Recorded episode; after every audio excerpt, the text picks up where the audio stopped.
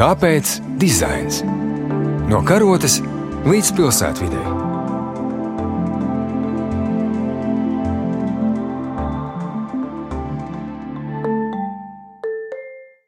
Esiet sveicināti raidījumā, kāpēc dizains. Kā tālāk dzīvosim, kā risināt izaicinājumus, ar kuriem saskaras sabiedrība. Šos jautājumus šogad kā vadmotīvus izvirzīja arī arhitektūras bienāla Venecijā un Londonas dizaina festivāls. Nu, kuru gan jomu šobrīd vairāk vai mazāk nav skārušas šīs pārdomas? Arī divi no lieliem pasaules notikumiem šogad saglabāja cikliskās norises gadu skaitli, bet notika ar nobīdi. Un šogad tāpēc piedzīvojām 2020. gada Olimpiskās spēles un arī ekspo izstādi. Un savā ziņā arī šie divi notikumi ataino cilvēka sasniegto un vēlmi paveikt vēl vairāk. Tāpēc, skatoties uz šo gadu, zināmā mērā mēs atskatāmies uz ilgāku laika posmu, te jau diviem gadiem. Par iecerēto un realizēto tiešā un arī plašākā nozīmē šodien esmu aicinājusi DJA projektēšanas biroja vadītāju Dīdzi Jaunzem un tehnoloģiju uzņēmumu Solāviju vadītāju Intu Bērziņu. Labdien! Labdien! Labdien. Jūs esat viena no idejas autoriem un realizētājiem tādā trīs uzņēmumu apvienībā Soil, kuri veidoja Latvijas paviljonu Expo 2020 Dubajā. Un sarunas sākumā varbūt jūsu tāds pirmreizējais iespējas, kas bija uzreiz, tad, kad tas bija paveikts, kā jums izdevās iecerēts bija tieši tā vai savādāk, ņemot vērā varbūt vēl to, ka šis Latvijas paviljons ir iedalīts iespēju kvartālā kopējā izstādē, vai tam bija kāda nozīme? Tici? Jā, izdevās tā, kā bija cerēts, tā kā bijām iztēlojušies, un es teiktu, vēl labāk, jo bija kaut kādas expectācijas, bija vīzijas, kā tas viss izskatīsies, kā tas darbosies, bet, protams, īsto bildi un sajūtu var noķert tikai esot tur uz vietas, Dubajā un redzot, kā šis projekts realizējas.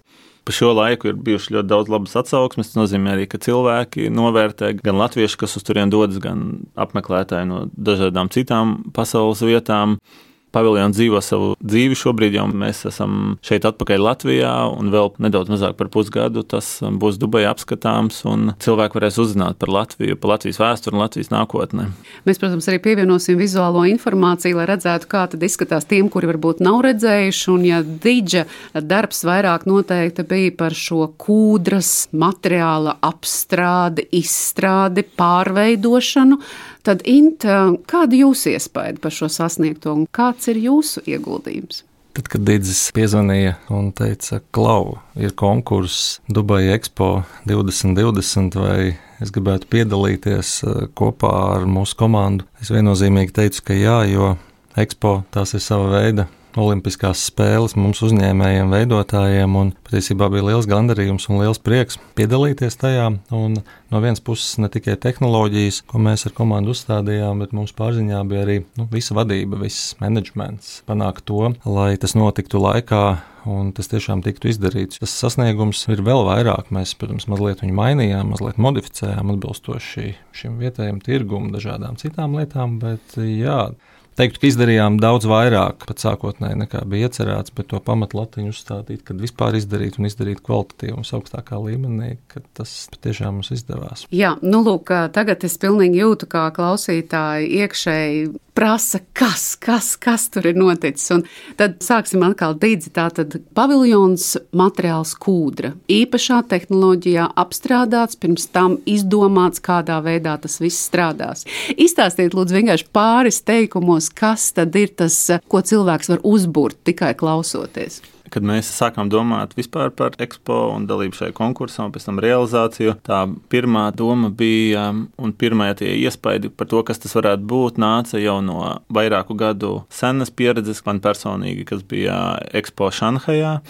Un no tā ekspo es atceros tikai tādas īstās lietas. Es atceros, ka bija daudz ekrāni, bija daudz visādu stāstu, bet es atceros Dāniju ar nāriņu, kas bija atvesta, atceros Norvēģiju ar kūstošu ledus gabalu, atceros tās īstās lietas. Un te arī tā pirmā doma, ka mēs sākām vispār domāt par Latvijas ekspozīciju, bija par to, ka mēs varam sacensties ar tehnoloģijām, bet tas nebūs tas, kādā veidā mēs stāstīsim pamats, tikai jā. par, ka tā mhm. nebūs tā bāze, ka mēs gribam aizvest kaut kādu daļiņu no Latvijas, gan, teiksim, tādā poētiskā tehniskā ziņā, gan fiziskā ziņā. Un, un tāpēc radās doma par šo seno materiālu kūdru, kas satur um, tiešā nozīmē visu Latvijas ģenētisko kodu. Tajā ir augi, cilvēki, koki, visa daba. Un um, tad radās doma, ka tas būtu tas šis senais materiāls, kā tādas kanvas, kā tāds audekls, kur stāstīt uh, Latvijas nākotnes teiksim, vīziju. Un tam tad attiecīgi ir šīs te tehnoloģijas. Tātad senā vēsture ir kūdra, uz kurām mēs projicējam dažādi integrējam šo Latvijas nākotnes attīstības stāstu.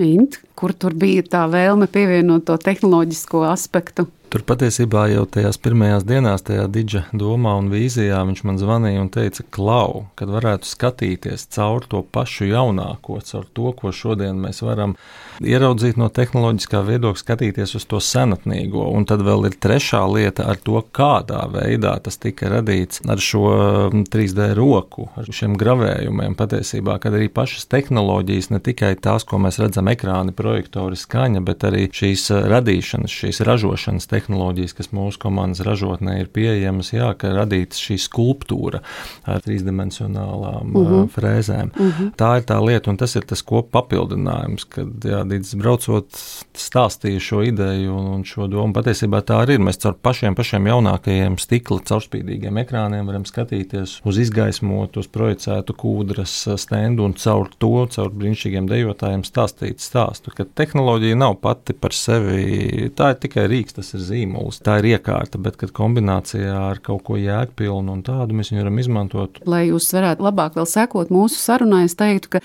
tas būtu kaut kas līdzīgs tāds, kā varētu varētu teikt, pie jūras kāpas vējš ir izveidojis savās formās, dažādās locījumos, tikai šīs kāpas ir nevis horizontāls, bet vertikāls. Un tas ir principā tas, ko jūs esat izveidojuši, tādas interesantas, unikālas formas, paneļus, visu paviljonu, kas uzbūr pilnīgi citu iespaidu arī par Latviju. Jo interesanti, ka, piemēram, Somija joprojām atnāca ar koku. Un man tas likās, cik interesanti, ka Digi, tu izvēlējies tieši šādu materiālu, jā, kas satur to mūsu kodu jau citā pakāpē pakāpē. Un tu esi ļoti labi pazīstams ar materiāla meklējumiem, ar cita veida pielietojumu arī tam, ko mēs esam paraduši sasaistīt ar materiālu, piemēram, tavi pinuma paviljoni vai vēl kādi citi risinājumi.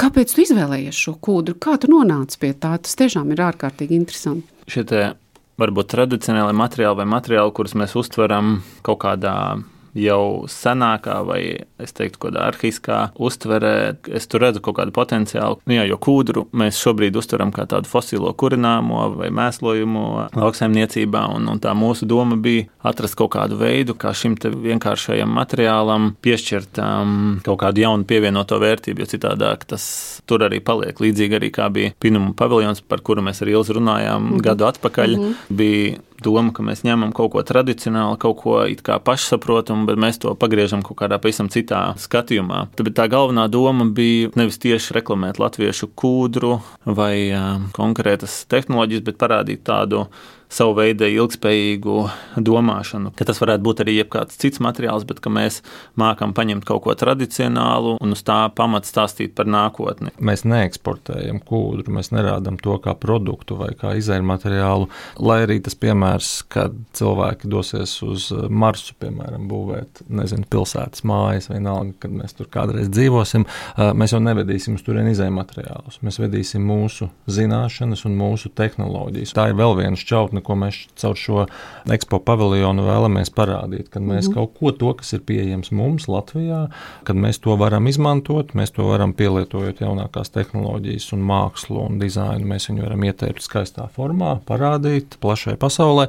Un tad patiesībā, ja vien tas būtu nepieciešams, tā nebūs. Šī ekspozīcija atbrauks atpakaļ uz Latviju veselā, neskartā un tālāk jau pasūtītājs domās, ko ar viņu darīt. Taču, ja ir iespējams, kūdra ir dabas produkts, viņu var atlikt tur atpakaļ. Kur Dabā, tā ir nākusi? Jā, jā, jā un mm -hmm. patiesībā mēs paņemam uz brīdi daļu no mūsu zemes, daļu no mūsu materiāliem, un mēs atliekam atpakaļ. Ko jūs vēl saredzat arī savos, varbūt citos projektos, vai tagad turpmāk strādājot tieši par šo, kā mēs varam vēl palūkoties uz sev zināmiem materiāliem, kā uz jaunu iespēju? Vēl paturpinot arī to tēmu, ko Ilza minēja par to, ka ekspo tā, tāds viens no vadmotīviem ir šī ilgspējība un teiksim, tā zināšanu un pieredžu apmaiņa, kā dzīvot tālāk.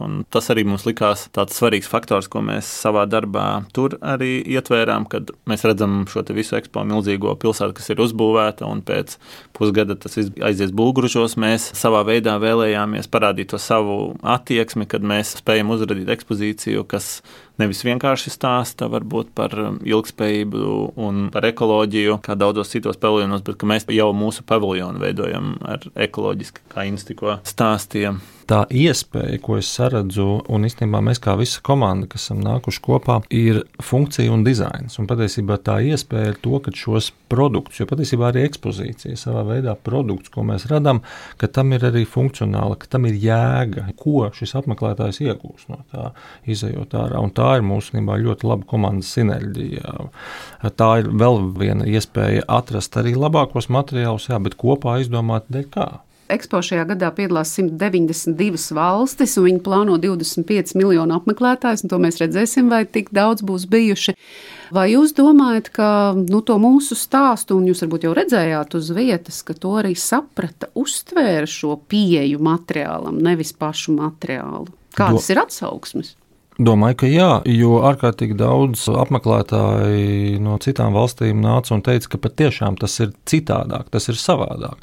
Mēs paši staigājām un apmeklējām lielāko pasaules valstu paviljonus, un tur ir pārstāvētas 192 valstis, taču paviljonu skaita ziņā, ja nemaldos, ir kaut kur pie 260, jo ir vēl dažādas organizācijas un dažādas citas, arī Fly Emirates un apvienoto Arābu Emirātu kompānijas, kam ir savi lielie paviljoni. Patiesībā tur redzot daudz ko mēs tiešām novērtējām, ka jā, ir ārkārtīgi daudz tehnoloģijas, ir ārkārtīgi daudz šovu, ir tas, kas viss ir pieejams, bet ar ko viņi atšķirās un kas ir tas stāsts, ko citi paviloni grib pastāstīt. Un patiesībā, kā Digis teica, šīs īstais, kaut kas īsts, kaut kas dabisks, un apmeklētāji to novērtē. Un šis iespēja paviljons ir viņiem iespēja ieraudzīt uh, caur citu skatu punktu. Mēs ļoti, ļoti labajā nozīmē atšķiramies no citiem paviljoniem un citām ekspozīcijām. Mm -hmm. Strādājot dažādos projektos, ne tikai pie šī ekspo, bet arī Digis tev ir ļoti daudz dažādi interesanti projekti.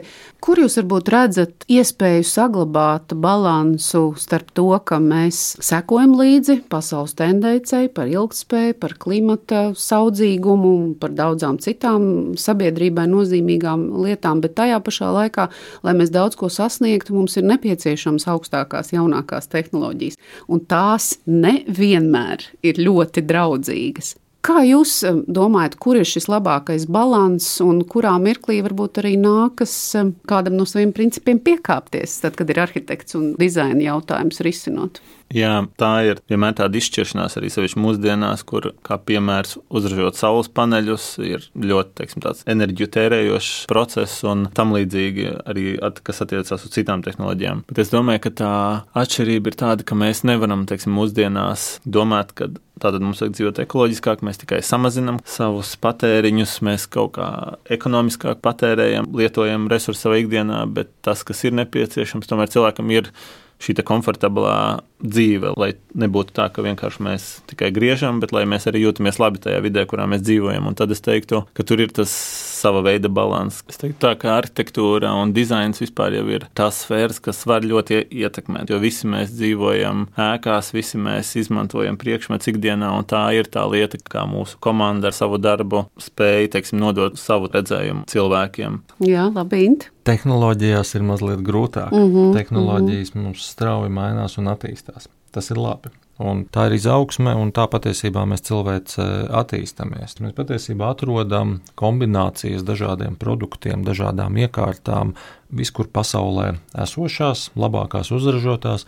Visgrūtākais ir atrast šo ilgspēju, ka šie produkti kalpo ilgi tur ir uh, liels spiediens no patērētāja sabiedrības. Viens ir šī te fizisko tehnoloģiju novecošanās un atrast labāko, un, un kas ir teiksim, tāds visilgnoturīgākais un ilgāk darbojošais, bet otrs ir šī tāda emocionālā un psiholoģiskā novecošanās un lietu izmantošana ilgāk. Un tas ir atkal varbūt tā lieta, kur ienāk dizains, ka mēs vienmēr mēģinām skatīties nākotnē, radīt lietas, kas uh, cilvēkiem neapniks un liksies vienlīdz interesants kā šodien, tāpēc desmit gadiem. Teiktu, tas ir viens viena lieta ir, cik lietas ātri nolietojas, otrs ir, cik teiks, ilgspējīgas un cik viņas teiksim, ilgi pastāvošas, varbūt arī no tāda emocionālā viedokļa. Es teiktu, tas pat reizēm ir vēl pat trauslāka lieta, jo tehnoloģijas, protams, viņas noveco, rodas jaunas, bet, ja tas ir labs dizains, tas ir tas, kas nenoveco. Un tas ir tas, kas pat ar laiku var iegūt kaut kādu patinu labā nozīmē, ko mēs uztveram pozitīvi. Ja dizains noveco skaisti, tas ir, teiktu,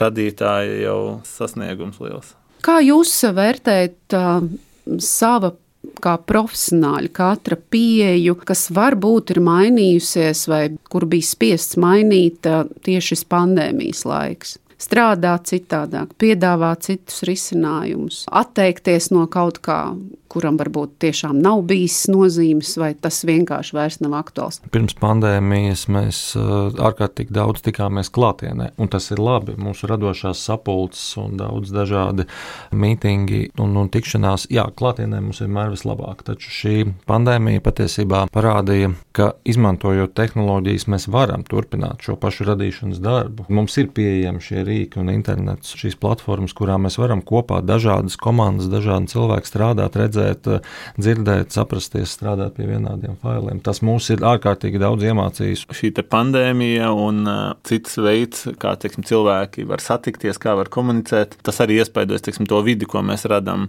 Šīs ekspozīcijas, ko mēs radījām Dubajā, mēs daudz domājam par to, kā cilvēki var būt kopā Tie pašā laikā viņi var būt uzturēties teiksim, drošā vidē, tās ir kaut kādas lietas, ko mēs iekļaujam savos nākotnes jau projektos, kas ir Ventspils zinātnes centrs, Daugopils inovāciju centrs, kur mēs veidojam jau domājot uz priekšu, kādi ir tie veidi, lai cilvēki varētu būt kopā un tai pašā laikā droši um, uzturēties. Tas ir arī izmantojam tehnoloģijas, kur liekas, touchscreens ir kaut kas inovatīvs. Tagad jau mēs uh, iekļaujam daudzos eksponātos, piemēram, jau attālinātās vadības nozīmē, ka stāv pie ekrāna vai pie eksponāta, un es viņam vairs nepieskaroties, jau viņu vadu, es ar viņu darbojos, uzzinu. Tas ir jau kaut kas, kas likās visu laiku nākotne, bet tā jau ir tagadne, un tas ir tas, ko mēs eh, arī cenšamies savos darbos iekļaut. Piemēram, mēs esam strādājuši ar dažādiem kontekstiem, kas ir ekonomiskais vietas konteksts, un tagad nāca vēl viens šis pandēmijas konteksts, kas, es teiktu, iespaido to vidi, ko mēs radām. Un, ja mēs noslēdzot šo gadu, vienmēr, protams, it kā tam būtu tik ļoti liela nozīme, ka pēc 31. decembra sāks pilnīgi cita dzīve. Tā jau nav, bet nu, arī varētu teikt, tas tāds hrestomātisks piemērs, ka mēs raugamies nākotnē. Kas ir tas, ko jūs nākamā gadā esat iecerējuši? Un, zinu, ka Digis arī kā scenogrāfs ļoti aktīvi darbojās, un tur noteikti arī pandēmija savas izmaiņas ienesusi, bet kas ir tas varbūt tuvākais plāns, ko jūs gribat un varat atklāt nākamajam gadam? Jā, scenogrāfijas šobrīd nav tas aktuālākais temats. Lai gan faktiski vēl pēdējā pusgada laikā mēs radījām četras operas scenogrāfijas dažādās pasaules valstīs, tagad mēs esam nobāzējušies tepat Latvijā un vairāk strādājam arhitektūras un, un šo ekspozīciju projektiem. Mums ir izveidojusies arī uzņēmumu apvienība, kas ir Solovīdējā, Yes Weekend, putnu studija Roberta Rubīnu un Overlī, kas rada šīs ekspozīcijas, kā tāda savu veidu instalācijas, stāstošas gan par vēsturiskiem notikumiem, vēsturiskām personām, kas ir divas um, ekspozīcijas Jelgavā, un savukārt ir arī ekspozīcijas, kas stāsta par nākotni, kas būs šis Ventspils zinātnes centrs, Daugavpils inovāciju centrs un daudzi citi līdzīga tipoloģija projekti. Mhm, -huh. Expo kā platforma, no kurienes atspērties tālāk plašajā pasaulē, ir jā, vēl viens, ko mēs raugāmies nākotnē. Ja, kad caur šo ekspo mums ir pāris iestrādnes, ir klienti, kas vēlas tieši ieraugot mūsu ekspozīciju ko mēs radījām um, Dubajā, tad, tad vēlas arī aicināt mūs tālāk uz darbiem plašajā pasaulē. Tā, tā ir lieta, nu, tāds sīkums, kā arī pats ekspo ir nākamajā gadā vēl jāatved atpakaļ uz Latviju. Tā kā nākamo gadu mēs raugāmies ļoti aktīvi un ļoti ražīgu, pilnu ar darbiem. Tiešām jā, apmeklētājiem būs Latvijā jau vismaz četras iespaidīgas instalācijas, ekspozīcijas, kuras apmeklēt, redzēt gan kā vēsturi, gan kā nākotnē. Ļoti jauki, tad tieši tās arī gaidīsim, kā arī, protams, daudzas citas jūsu idejas, un paldies, ka jūs strādājat un veidojat tās, un novēlu, lai jums tiešām izdodas tās parādīt mums, un lai mums arī ir iespēja tās apmeklēt, un ja gadījumā mēs netiekam klātienē, tad es saprotu, ka jūs būsiet parūpējušies arī par to, lai mēs varam kaut ko piedzīvot arī attālināti. Tā kā paldies jums vēlreiz par sarunu, lai jums veicās un lai laimīgs jaunais gads! Paldies! Paldies un priecīgs svētkus! Paldies! Sarunājos ar projektēšanas biroja DJA vadītāju Dīdzi Jaunzemu un tehnoloģiju uzņēmumu Solāviju vadītāju Intu Bērziņu. Radījuma skaņu montē Judīta Bērziņa, jūs uzrunāja Ilza Dobela. Paldies Kultūra Kapitāla fondam par atbalstu arī šajā gadā. Uz tikšanos jau jaunajā gadā!